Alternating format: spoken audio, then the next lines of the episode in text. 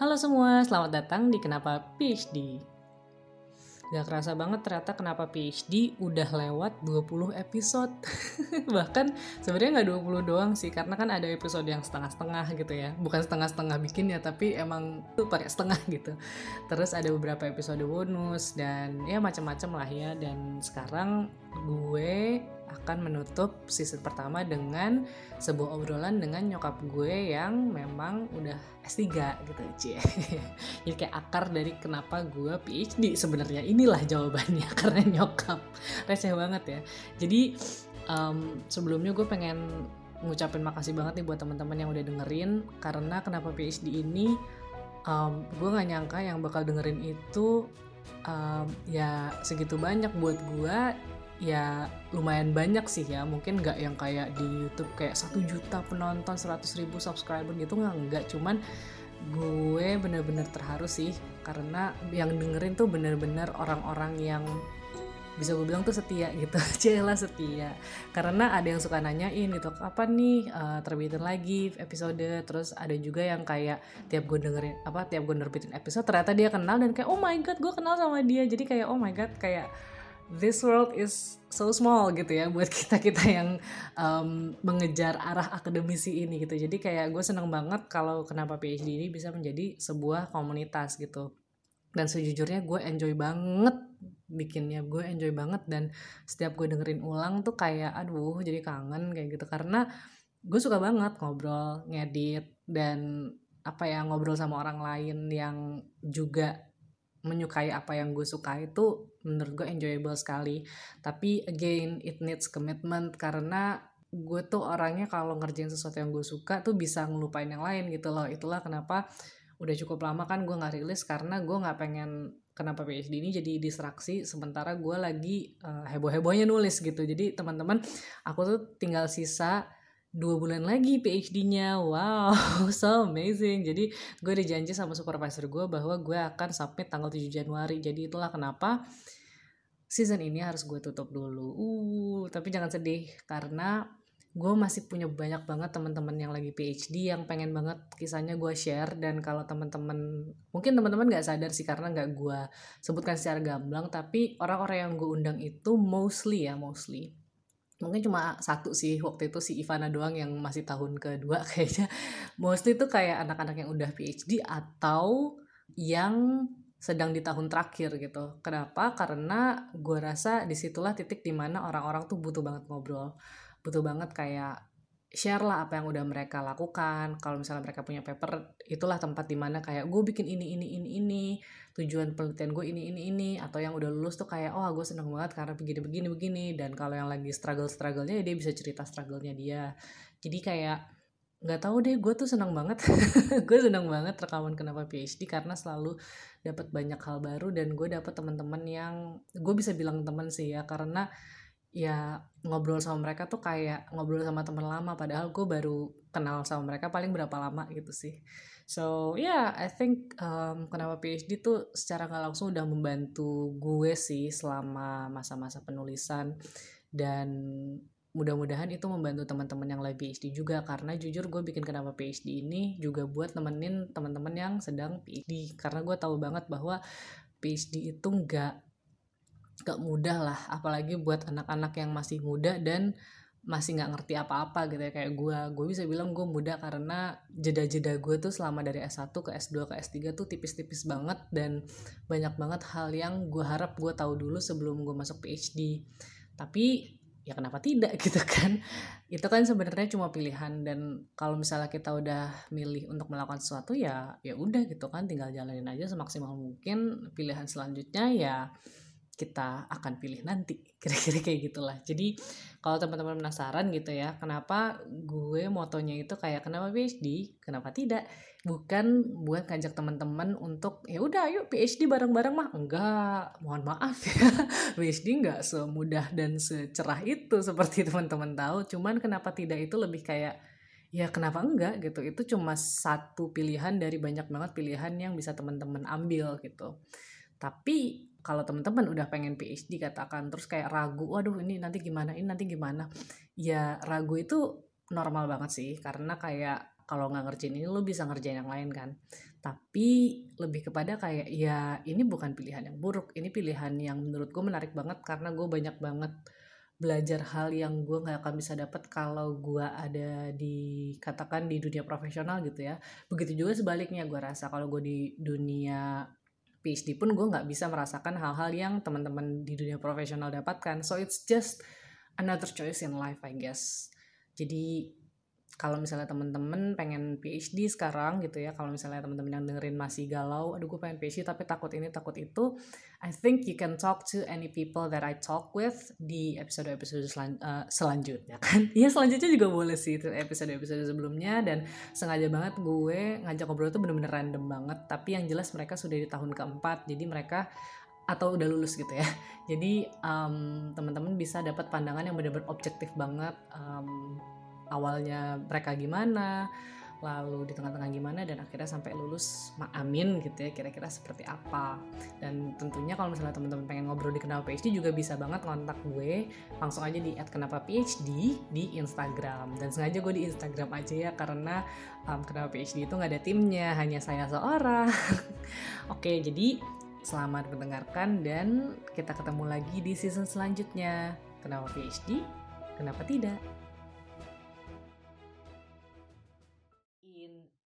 end of the season ini, aku memang mempersiapkan seorang tamu yang cukup spesial buat aku, cie, yang uh, memang salah satunya apa ya salah satu motivasi kenapa aku pengen uh, S3 kayak gitu yaitu adalah dokter gigi Wita Anggraini. Dokter dokter gigi Wita Anggraini yang merupakan ibuku atau mamaku gitu ya. Jadi aku akan address dokter Wita ini sebagai mamah gitu ya. Tapi kalau misalnya di kalangan profesional uh, mama ini dikenal sebagai dokter Wita gitu.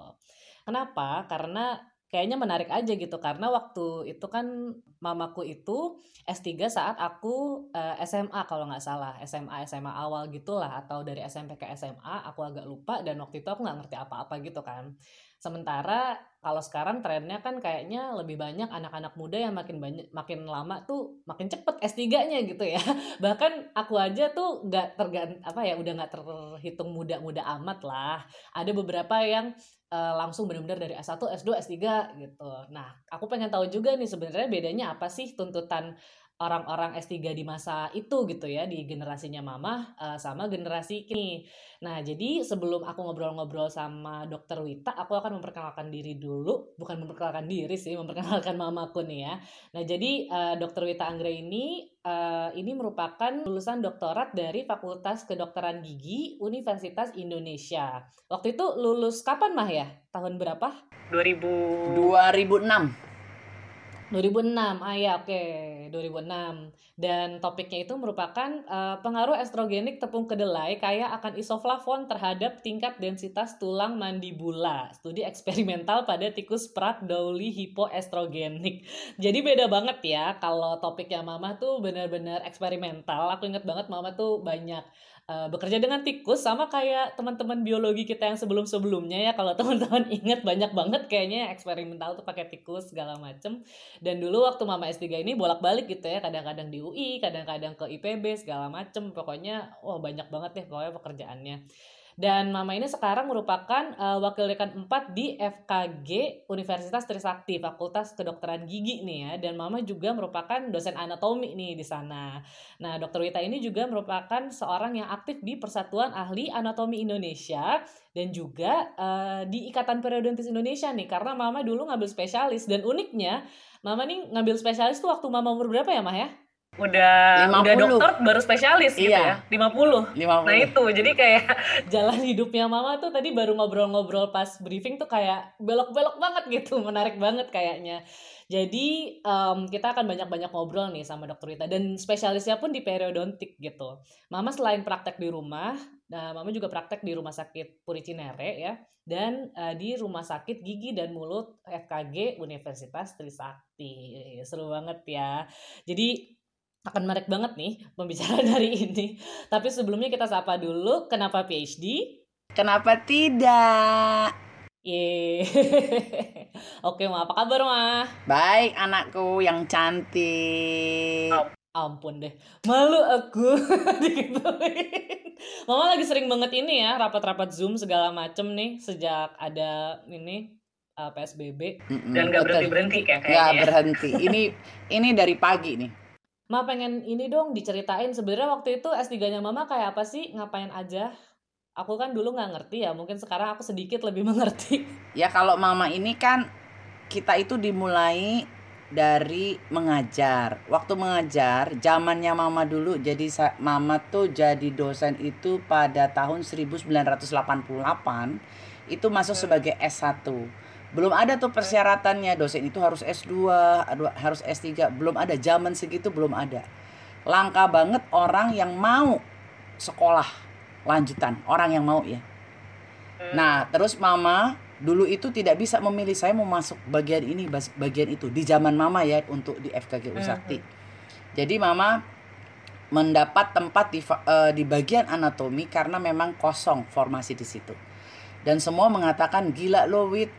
Lo di bagian anatomi itu eh, nggak uh, seindah kalau di bagian klinik atau apa lo nggak bisa berkembang dan lain-lain kan karena masih polos ya nggak ngerti yang dapat yang penting waktu itu lulus segera dapat kerja itu aja di pikirannya mama dan hmm. ternyata memang menjadi anatomi survival itu memang uh, cukup berat uh, di bidang kedokteran gigi karena apa ilmu anatomi itu kan ilmunya kedokteran dasar ilmunya peta tubuh manusia dari ujung rambut sampai ujung kaki. Sedangkan mama ini di kedokteran gigi di mana kita tuh kompetensinya itu cukup sampai kepala dan leher. Nah, mampusnya karena mama itu sudah di anatomi, mama kan konsisten ya. Artinya begini, pokoknya nggak mungkin gue nggak bisa gitu loh. Jadi waktu itu ditawarkan mau nggak sekolah S2, tapi peraturannya harus inline. Ngajar di anatomi berarti S2-nya itu harus anatomi. Nah, ketika mama mau masuk ke S2 anatomi di FKUI itu, itu yang sangat artinya gini, teman-teman yang sangat baik di bagian anatomi FK selalu bilang, "Wait, lo tuh jangan ngambil anatomi FK UI gila itu lo ibaratnya lo cuman taunya kepala dan leher lo harus belajar seluruh seluruh tubuh manusia." jangan lu masuk aja bagian lain. Pokoknya jangan anatomi deh gila deh. Anatomi faal tuh nanti lu harus jadi inline-nya seperti itu tapi kan mama kan sama sama kakak kepala batu juga keras kepala kan keras hati juga karena gini uh, mama berprinsip tuh gue udah di anatomi ya gue harus ngerti ilmu anatomi ya zaman dulu akhirnya mama dengan mental baja masuk ke Fakultas Kedokteran UI mengambil S2 biomedik dengan kekhususan anatomi histologi. Hmm, oh dulu bukan di FKG mah ya berarti FK. FK. Karena ilmu oh. dasar kedokteran umum kan itu, ilmu kedokteran dasar, hmm. dasar yang paling dasar, yang paling susah untuk dikembangkan untuk penelitian tuh yaitu ilmunya. Terus terus ayam nekat dong ya masuk situ. Ketika ketemu dengan penasehat akademik, ya penasehat akademik itu mama waktu itu jadi murid satu-satunya satu-satunya yang FKG maksudnya ketika mama masuk itu dia bingung gitu ya aduh bagaimana ya artinya ilmunya tuh cetek dasarnya tuh. Pegangannya waktu S1 tuh cetek lah ya cuman kepala dan leher. Lo harus semua nggak bisa enggak nggak ada pengecualian. Oh ya dok saya harus bagaimana? Ya berusaha sendiri. Bayangin mama nggak pernah ketemu sistem lain ya. Kan kalau di tubuh manusia ada sistem kardiovaskuler, jantung dan pembuluh darah, sistem endokrin, sistem semua adalah reproduksi itu superficial sekali waktu di FKG. Akhirnya mama mengambil perkuliahan menjadi pendengar seluruh perkuliahan S1. Jadi hmm. teman mama tuh muda-muda. Seperti itu perjuangannya. Karena aku ingin dengar sebenarnya ini kuliahnya kayak apa sih gila banget waktu itu tapi karena memang e, mental baja ya kembali lagi kembali lagi dengan keinginan kita sendiri yaitu akhirnya e, berkuliah bersama S1 di tengah-tengah mama harus kuliah S2 ya. Jadi mama tuh betul-betul sibuk waktu itu. Kakak masih TK waktu itu.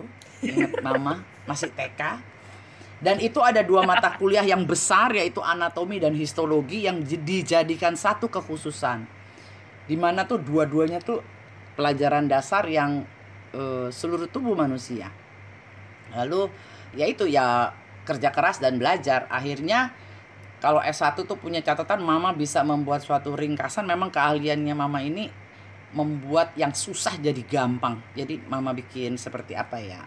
Ringkasan jembatan keledai eh, shortcut shortcut kalau zaman now gitu ya mind mapping. Dulu kagak ada tuh istilahnya mind mapping. Itu tanpa mama sadari mama melakukannya dan itu memudahkan. Dan itu akhirnya di tahun pertama artinya di semester pertama itu yang sangat berat ketika sudah terlalui artinya sudah ikut kuliah dengan S1 ya selama dua semester itu mama langsung set melesat. Karena kan kelebihannya anak S2 tuh cuma satu. E, semangat belajarnya tuh lebih tinggi dibandingkan waktu S1 S1 tuh kan ya pengen main namanya juga SMA baru lulus kan. Ya seperti itu. Itu perjuangannya di S2 nah e, waktu S2 mama melakukan penelitian terhadap e, judulnya intinya sih harus anatomi kan back to anatomi tapi mama suka sesuatu yang klinis arti e, mama ambil bagaimana hubungan osteoporosis antara rahang yang ada di tubuh manusia bisa ada di e, rahang gitu loh itu mama hmm, ngambil sampelnya orang Nah, kesulitannya oh. udah ketahuan nih waktu sampel orang. Nah, waktu mama dapat tawaran S3 sesudah beberapa tahun karena kalau S3 itu kalau kita sudah kerja zaman dulu itu ada yang namanya sistem urut kacang, sistem hmm. ya karena Trisakti kan punya anggaran jadinya ya, ada anggarannya ya. tuh ada ditentukan. Pokoknya giliran mama ya, sekolah tuh usia berapa ya? Tahun 2003 lah mama ini angkatan 2003. Mama melanjutkan dari S2-nya menjadi lancar karena udah tahu nih obstacle-nya nih. Waktu saya penelitian hal yang sama osteoporosis artinya e, penuaan pada tulang, ternyata kalau pada orang tuh kesusahannya di sini. Ah, gue pokoknya gimana caranya gue nggak mau susah jalannya ke eksperimental ke yang mudah hmm. dikendalikan yaitu tikus walaupun nggak mudah-mudah banget dan banyak banyak dramanya ya kak ya ya gitu deh hmm. seperti itu latar belakangnya Hmm. Akhirnya dilanjutkan, dilanjutkan dalam bentuk kita harus kan mencari mutiaranya apa nih? Mutiaranya adalah bagaimana mencari kondisi hipoestrogenik ini pengganti estrogennya kak. Pengganti estrogen yang sifatnya adalah herbal, artinya yang bukan estrogen-estrogen yang kimiawi. Itu. Jadi hmm. dicarilah dari kedelai. Itulah kedelai itulah yang menghantar mama ke IPB. Di situ mama hmm. belajar jadi memang mama nih tak tek tok tak tek tok tidak jelas hidupnya. Mana-mana ya. Uh, uh, ke mana-mana, tapi temennya jadi banyak. Nah, waktu ke IPB, mama kan pikirannya itu kedelai itu dalam bentuk bahan makanan tempe ya. Karena memang masih hmm. belum ada gambaran. Jadi waktu mau sekolah tuh udah kasak kusuk lah istilahnya. Datang nih hmm. dengan gagahnya nih ke IPB, terus ketemu sama namanya Profesor Dedi Muhtadi yang jadi pembimbing mama, salah satu pembimbing mama dia cuman nanya pas ketemu hah kamu dokter gigi ngurusin tempe? Ngapain? Uh, bingung. Ya saya juga nggak tahu ya prof ya. Saya tuh kepengen gini. Jadi bayangin gambarannya abstrak dari orang yang ya ya yang memang ya memang begitu zamannya ya. Pokoknya gimana caranya prof? Saya tuh tahu nih di dalam tempe itu kedelai ada isoflavon. Betul. Tapi kamu teh dokter gigi. Gimana saya ngajarnya kena lagi mama nih masalah. Aduh kalau kamu mau sekolah ikut uh, biokimia pangan waktu itu S2 jadi S2 kamu ikut kuliahnya kamu ikut ujiannya itu saya hitung sebagai nilai mata kuliah dari saya saya baru mau jadi pembimbing kamu. Masya Allah buset. Jadilah mama kuliah S2 di. IPB sebagai mahasiswa istimewa. Yang Ampun. udah pasti paling tua. Gitu. itu. Belajar biokimia pangan. Dari situ startup mama untuk masuk ke isoflavon. Jadi hmm. di situ baru si pembimbing merasa mama sudah punya modal. Kalau dia ngomong mama ngerti gitu loh. Kayak gitu. Hmm. itu ya perjuangannya. Ya memang harus dilewatin. Gitu Terus judul ini dari mana sih mah? Mama ngusulin sendiri atau memang ada tawaran untuk khusus topik ini atau kayak gimana sih dapat um, apa sih namanya source-nya tuh topeng kedelai itu tuh dari mama sendiri atau kayak gimana sih dapat judul ini? Jadi dalam perjalanan karena kan pemikiran awalnya itu frame-nya frame-nya itu adalah bagaimana mencari estrogen pengganti. Jadi kan kita pada kalau pada manusia kalau sudah menopause itu kan ada yang namanya hormon replacement terapi HRT itu estrogen. Itu hanya bisa maksimal lima tahun. Padahal usia harapan hidup kan meningkat nih. Misalnya iya, seseorang uh, menopause pada usia 50 tahun. Harapan hidup mas orang Indonesia kan kalau secara statistik tuh terus meningkat. Kalau dulu sampai 60 tahun terus 65 70 barangkali tambah panjang. Nah ini sisa yang panjang ini bagaimana untuk mencari pengganti si estrogennya itu. Jadi itulah yang menjadi pemikiran dasar mama. Nah, tertuntunnya itu karena mau belajar. Jadi si pembimbing, kamu jangan pakai bahan makanan kedelai kalau mau masuk ke tikus. Mama udah bilang saya tidak mau penelitian pada orang. Kenapa, Wit? Susah kontrolnya. Mama hmm. bilang begitu. Susah kontrolnya, pengendaliannya susah. Saya kepingin penelitiannya cepat, terkendali. Pada hewan hmm. coba saya udah. Mama udah pengalaman juga kan. Uh, uh, sama waktu orang di S2 ya, setengah mati tuh. Waduh, itu setengah, setengah mati untuk kontrolnya. Padahal sampel yeah. hanya 30. Lalu hmm. pada tikus harus dibuat tikus sehat menjadi tikus yang menopause. Itu makanya tikusnya diangkat ovariumnya. Hmm, gitu oke oke oke terus mama semua tuh yang black black segala ya, macam gitu jadi dulu itu kan uh, tapi di bawah supervisi dokter hewan jadi di bawah ah, ya. badan pom uh, mama hanya sebetulnya yang melakukan harusnya dokter hewan tapi mama diajarin hmm. lah supaya yeah, apa yeah, yeah. kalau kita tuh pernah megang itu nggak hmm. akan lupa ketika ditanya yeah. tak tek tok tak tek tok tuh nggak akan lupa itu aja jadi mama sih nggak ngerjain secara secara yang sebenarnya yaitu disupervisi lah sama dokter hewan yang ada di tempat mama penelitian gitu. Oh, Tapi gitu. nyobain ya pastilah karena kan basicnya kan orang medis ngerti lah. Gitu. Cuman e, secara e, kompetensi mama nggak punya kompetensi untuk mengangkat ovarium itu ada etikanya. Ada gitu. etikanya. Oh gitu.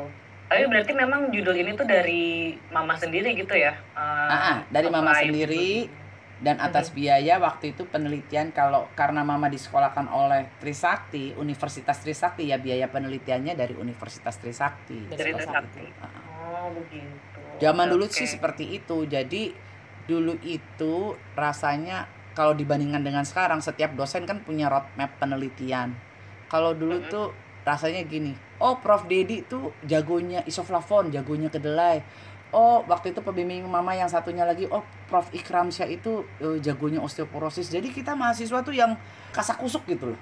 Lalu misalnya mama dibimbing oleh Prof. Tribudi kan pembimbing utama mama itu dia profesor khusus geriatri. Ya itulah karena memang waktu proposalnya itu mengarah ke geriatri maka mama diberikan pembimbing oleh UI FKG UI ya ke Prof.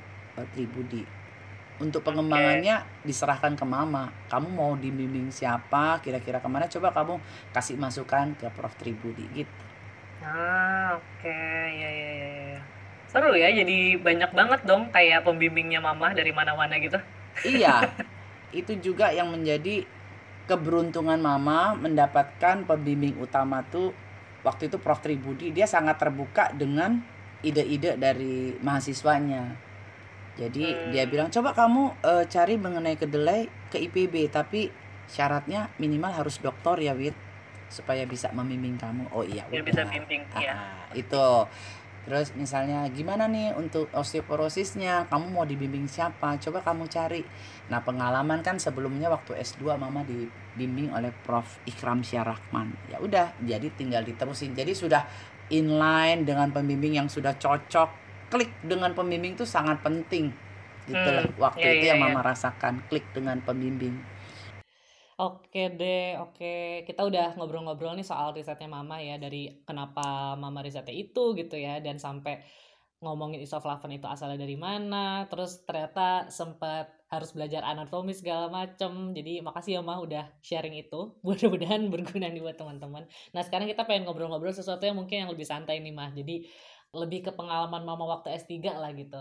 Mungkin sebelum aku nanya hal-hal yang unik yang terjadi selama penelitian gitu ya, eh, aku mau nanya ini dulu kali. Kalau di Indonesia itu kan kayaknya ujian S3 tuh aku nggak tahu sih sampai sekarang atau enggak ya tapi aku ingat banget waktu mama ujian tuh kan ada ujian terbuka ya nah kalau ujian terbuka tuh emang emang tradisi tradisinya seperti itu ya di di Indonesia di universitas mana pun karena aku inget banget waktu itu sampai aku dandan mama dandan udah kayak kawinan lah pokoknya ada makanan segala macem udah ya gede banget ya waktu itu ada berapa orang yang datang ya lebih dari 50 Puluh aku Iya. yakin pasti itu. Eh, Terus seratusan kayak seratusan pengujinya ada berapa sih mah? Hotel lima ya kayaknya. ya, pengujinya itu ada pengujinya ada satu dua tiga empat lima enam enam penguji tiga pembimbing sembilan yang uji ya sama satu dekan yang membuka ya jadi ada 10 orang yang mama hadapi waktu itu tetapi Wah. dekan kan nggak nanya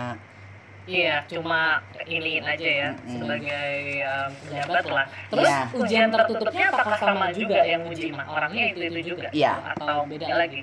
ya jadi mulai dari ujian proposal Hmm. ujian proposal itu si penguji ini sudah ditentukan untuk terus menguji sampai di akhir gitu lah Hmm, Oh, dari dari sidang proposal pun udah dia Ah, yang uji ah, gitu ya. Jadi ah, ah, tracknya ah, ah. track lah gitu. sudah mulai Hmm. eh, ke track di situ.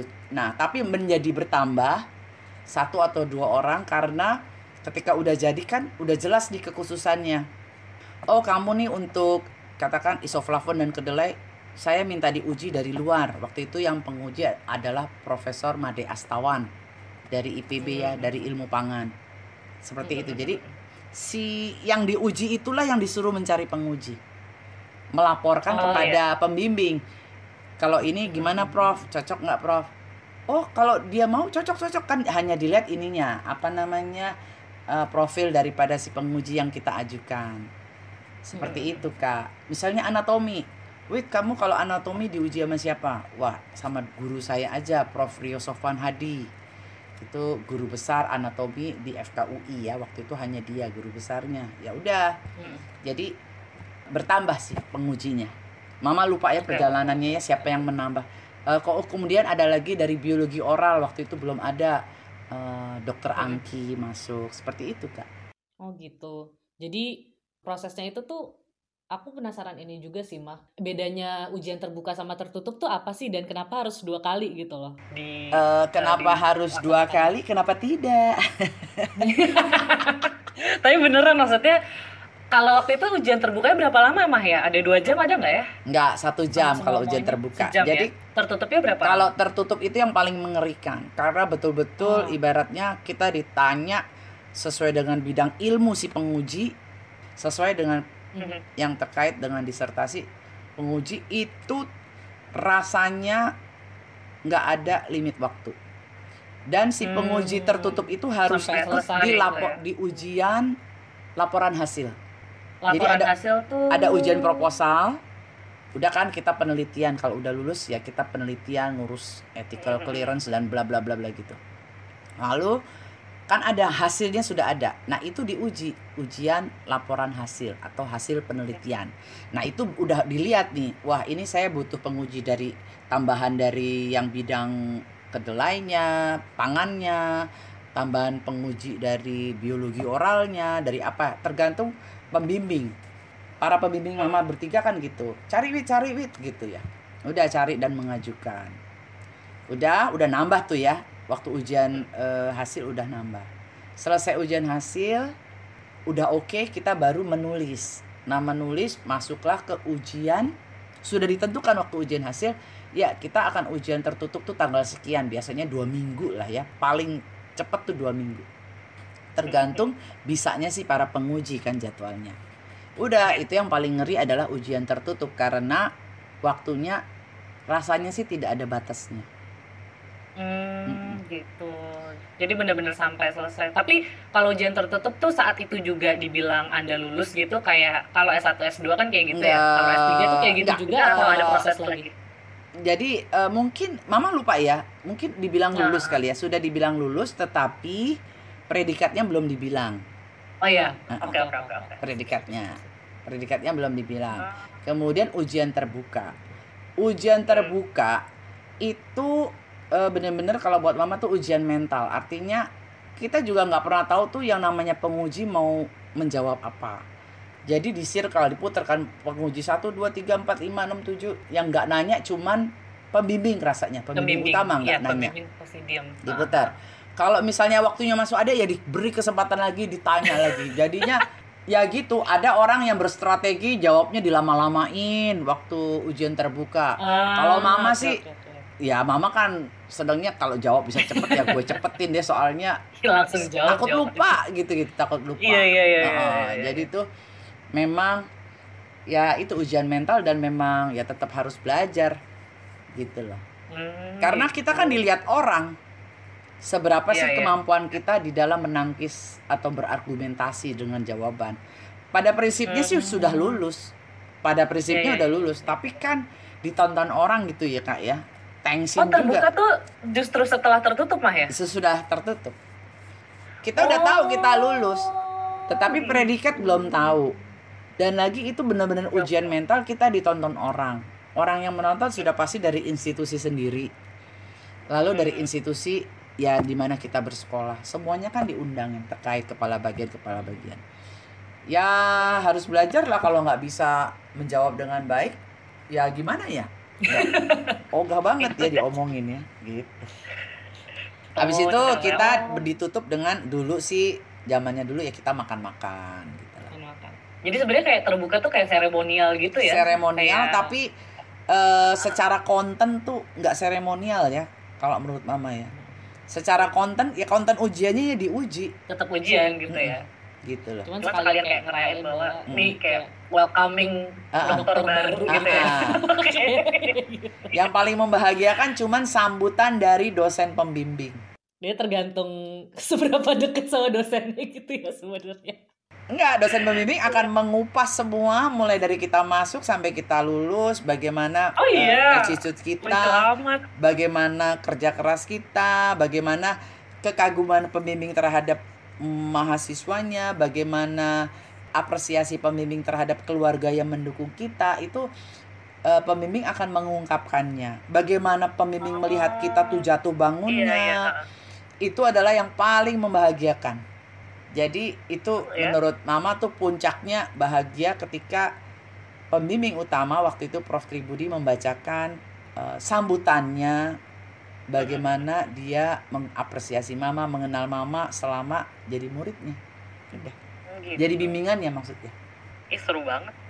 Terus kalau pengalaman waktu mama S3 gitu yang paling diinget apa sih terserah sih makin paling sen- paling menyenangkan atau paling paling nyebelin atau paling apa tuh waktu itu tuh apa sih gitu. Soalnya mam- mama tuh S3 tetap sambil ngajar ya atau Tetap ngajar. atau Gimana ya? Tetap Ya, sambil ngajar karena juga kan kembali ke mata kuliah yang Mama pegang itu kan anatomi, itu kan ilmu dasar yang dosennya cuma sedikit, kemudian untuk menjadi ahli itu susah gitu loh.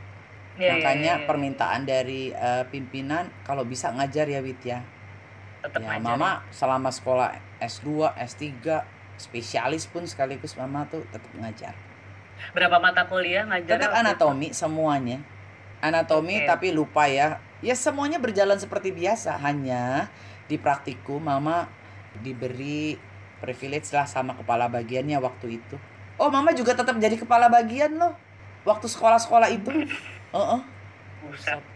Jadi eh, junior-junior dan para asisten dosen itu yang mahasiswa Mama itu betul-betul makanya aku tulis di dalam disertasiku bagaimana saya sangat berterima kasih kepada dosen muda kemudian kepada dosen muda waktu itu Dr. Suharno kepada Dr. Ari Indrawati seniorku lalu kepada semua asisten dosen karena tanpa Hmm. mereka kan pekerjaan praktikum terbengkalai Iya, iya, iya. Iya, karena iya, praktikum bener. tuh yang paling menghabiskan jam kerja lah ya gitu Iya, iya, iya, iya, iya. iya. itu nggak bisa enggak kan bisa seminggu dua kali lagi praktikum nah itu kalau ngajar kan kita sejam dua jam pulang gitu loh bisa Hmm. mengerjakan yang lain tadi kakak nanya apa yang paling susah atau yang paling sesuatu gitu ya Yang paling, ya yang paling diinget lah pokoknya yang kayak, ya yang masih inget banget lah. Kayak kira-kira. gitu. yang masih inget banget adalah ketika aku ditinggal mati oleh tikus-tikusku Waduh. Heeh. Jadi kan penelitian mama tuh hanya 50 hari apa 100 hari ya lupa deh kak ya. Pokoknya tikus itu harus berusia kalau nggak salah satu tahun Hmm. satu tahun di mana sejak usia muda itu sejak usia dia dilahirkan itu pola makannya sudah dikendalikan ya. Jadi mama itu eh, secara perlakuan itu hanya berlangsung tiga bulan lah ya. Tetapi persiapannya satu tahun. Nah mama udah beli tikus nih ya waktu itu dititipkan di salah satu lab di Bogor. Waktu itu rencananya penelitiannya di Bogor aja supaya antara kan makanan tikus semua kan kita atur. Pembuatan makanan di Bogor itu cepet lah ya deliverynya dan lain-lain. Tetapi yang terjadi adalah pokoknya ada kesalahan perlakuan dari oh penelitian mama hanya 50 hari perlakuannya. Sorry lupa. Hmm. 50 hari jadi nggak sampai dua bulan. Lalu di dalam perjalanannya tikusnya sudah lima bulan dari yang disediakan adalah 40 ekor tikus mama kan memakai 32 jaga-jaga jadi 40 itu tersisa tinggal 12 karena ada kesalahan pakan kesalahan laboran. Itu rasanya kayak dunia runtuh ya kan? Artinya udah betul-betul harus mulai dari nol lagi itu udah tikus Iya, usia lima bulan apa tujuh bulan lagi. Eh, bahwa sebentar lagi mama bisa melakukan penelitian. Itu di situ daunnya luar biasa. Sampai badannya tuh panas dingin dan lain-lain. Lalu udah rasanya udah nggak mau sekolah aja rasanya ya. Lalu nggak mau ngelanjutin ah gue males ah. Karena kan udah tinggal penelitian ya. Wah gue bisa terlambat dan lain-lain gitu loh ya. Tapi untungnya mama tuh memelihara tikus karena memang sudah tahu apa yang mau dikerjakan. Eh, sejak ujian persiapan untuk proposal tuh sudah pesan-pesan gitu loh sama eh, untuk tikus dan lain-lain sudah tahu lah pokoknya apa yang mau dikerjakan Hmm. Lalu ketika ditinggal mati tikus, rasanya pengen mati juga kak. Bener-bener Iya, putus iya, asa, rasanya pengen mati juga. Nah, rupanya dicariin sama pembimbing. Itulah ya kalau pembimbingnya itu memang care sama kita, itu di Indonesia mah udah penting bener deh pembimbing care sama kita. Iya. Dicariin sama pembimbing. Pembimbingnya eh, nyariin Prof Tribudi, kamu gimana ini? Aduh Prof saya tikus saya mati. Udah wait, gak apa-apa kamu mulai lagi dari nol. Gak ada ya pokoknya nasihat, masih nggak mempan. Pembimbing kedua kasih nasihat masih nggak mempan ya. Lalu pembimbing ketiga cuma nanya, e, Wita kamu emangnya selesainya kapan sih masa studinya? Ya kalau S3 sih masih waktu itu apa ya mungkin 8 semester ya atau 10 semester mama kurang paham juga. Kamu sekarang semester berapa? Semester 3 Prof. Atuh Wita, sekolah teh masih berapa bulan lagi, masih berapa semester, 10 semester. Kamu udah mau putus asa sekarang. Nggak apa-apa, atuh Wit, terlambat-terlambat atau gitu ya karena Sunda. Jadi aduh di ketik ditinggal mati tikus aja sedihnya kayak begini. Jadi ya udah atuh Wit, ya udah sekarang mulai lagi tikus baru. Ampun, ya udah mama mulai lagi ya hanya karena kamu memang semester depan deh oh dibilang gitu. Enggak prof. Masih ada sekian banyak apa namanya kesempatan. Lah saya pikir semester depan kamu deh oh katanya gitu. Sederhana ya tapi itu membuat iya juga ya gue ngapain jadi harus nggak move on gitu. Iya, itu. iya, iya. itu yang membuat hampir seseorang tuh nggak jadi. Makanya mama selalu mendoakan orang-orang yang ambil S3 semoga dia tidak menemui apa ya hambatan kalaupun ada hambatan tuh cepet move onnya cepet punya motivator itu Iya sih, ngerti banget sih kalau kayak gitu-gitu tuh. Apalagi kalau misalnya ngobrol sama teman-temanku yang emang eksperimennya pakai tikus apa segala macem itu tuh pasti ya itu pasti baper kalau misalnya tikus ya. Kenapa? iya lebih sayang sama tikusnya daripada sama Iya. orang sekelilingnya mikirin makanannya mikirin nanti eh, bayangin eh, sampai fesesnya apa tinjaknya tikus saja kita pikirin minumnya berapa mili kita pikirin saking semuanya harus dikendalikan tuh kak. Ampun Hmm. ampun. Mm-mm, gitu. Kan podcast ini merupakan episode terakhir di season pertama nih ya dan aku nih mudah-mudahan ya 2-3 bulan ke depan akan menyelesaikan penelitianku dan tesisku lah ya tinggal nulis-nulis sedikit gitu. Nah ada nggak sih semacam pesan-pesan gitu loh dari mama buat teman-teman yang nggak cuma aku doang ya tapi teman-teman yang lagi PhD yang lagi terutama mungkin yang lagi penyelesaian-penyelesaian kayak gitu atau mungkin yang baru mulai atau mungkin bahkan yang lagi mikir-mikir gitu ya mau PhD atau enggak PhD atau enggak kayak gitu pendengarnya kenapa PhD ini tuh uh, cukup banyak juga yang lagi PhD dan pada suka ngerasa kalau eh ternyata gue nggak sendirian stres-stresnya kayak gitu-gitu. Dan yang paling berarti justru itu sih karena memang aku bikin kenapa PhD ini tujuannya lebih ke teman-teman yang memang sedang PhD pertama biar mereka nggak ngerasa sendiri karena kerasa banget lah kadang-kadang kalau kita nggak cerita. Apalagi kalau misalnya kita penelitian di luar gitu ya kadang-kadang kita juga bingung mau cerita sama siapa teman satu lab pun beda-beda jurusannya apa bukan jurusannya kayak topik-topiknya beda-beda kadang-kadang mereka saling nggak ngerti gitu kan. Nah jadi kira-kira apa sih yang pengen mama sampaikan? Ya kalau yang mau persiapan PhD uh, mama sih berharap bahwa pernah sekolah S2 Artinya secara metode penelitian, secara uh, metode cara belajar itu sudah terlatih. Sudah hmm. tahu susahnya penelitian yang sebelumnya itu di mana. Hmm. Kemudian lanjutkanlah penelitian S2 itu ke S3. Ya, hmm. itu menjadi lebih dalam dan lebih lebih kenal kita dengan materi penelitian kita. Kemudian juga dengan uh, dosen pembimbing itu jalinlah hubungan yang baik. Artinya gini, mudah-mudahan ya tetap harus penuh, dengan doa ya. Mudah-mudahan ketemu dosen pembimbing yang tidak tidak memaksakan kehendaknya tapi mau menerima kita ini mau meneliti ini gitu loh. Dan mau membantu nih, nih metodenya gimana, cara ukurnya gimana, parameternya gimana, kesulitannya gimana atau memberi nasihat kalau tuh pembimbing itu pernah punya pengalaman aduh ini susah nih ntar di sini nih ada obstacle-nya gini-gini. Itu hanya doa yang bisa menjawab. Dan ketika kita udah nyemplung nih di PSD nih ya udah penelitian dengan jatuh bangunnya ya pokoknya pasti mood itu ada. Oh, nggak kepingin megang deg-degan tapi stres ketika megang buku ngantuk gitu ya. Ketika nggak megang buku tidur melek melotot gitu. Itu namanya anda sudah masuk di zona stres agak-agak depresi gitu tetap kita melakukan sesuatu. Jadi selalulah duduk di depan laptopmu entah apa yang engkau kerjakan gitu ya. Tapi terkait penelitian. Jadi download download jurnal baca dan setiap kali baca jurnal jangan cuma dibaca terus dibuang. Ambil intisarinya masukin. Bahwa ini kan sekarang kan lebih gampang ya pakai Mendelil pakai apa gitu langsung oh si Gabriela Alodia mengatakan seperti ini gini gini langsung cepret-cepret. Dan itu sangat bermanfaat tabungan lah ya pada saat kita menulis e, disertasi. Apalagi pada saat pembahasan itu. Itu aja. Jadi jangan lepaskan laptopmu dari hidupmu selama sekolah. Nggak mau megang pun pokoknya harus harus di gitu depan ya. laptop. Jadi memang ya. harus dikerjakan. Gitu loh.